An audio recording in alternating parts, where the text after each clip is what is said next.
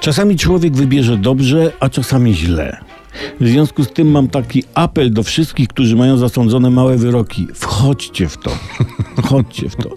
Takie wydarzenie opisane w prasie. Dwudziestoletni mieszkaniec z powiatu cejeńskiego, podlaskie, miał do odbycia pięciomiesięczną karę więzienia, ale się migał. Policja go namierzyła. Ów dobrze zrobił, że nie schował się do tapczanu i nie udawał pierzyny, ani nie wlazł do szafy pod złożoną bieliznę pościelową i nie udawał pieniędzy, no bo to jest pułapka, tam na początku zaglądają. Tylko zbiegł przez okno i ukrył się w stogu siana. Nie, nie miał na nazwisko igła. Wysoka temperatura, pro, problemy z oddychaniem i ujęto go. Po co uciekał? Po co? Pięć miesięcy, co to jest? Rok nie wyrok, dwa lata jak dla brata, a pięć miesięcy radość dla zajęcy. No, co takiego.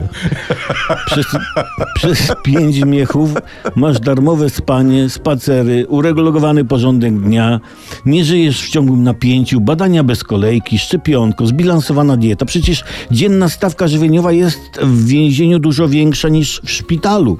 Lepiej jest w ciupie niż na przykład w szpitalu na podtrzymaniu ciąży, jeśli chodzi o jedzenie.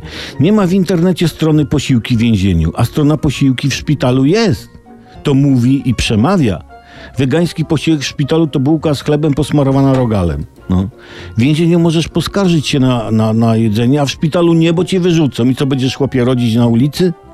Puknij się. Dlatego nie stawiajmy dusznego stogu siana ponad wygodną celę i sprawdzone w tym przypadku męskie towarzystwo. Wybór należy do ciebie.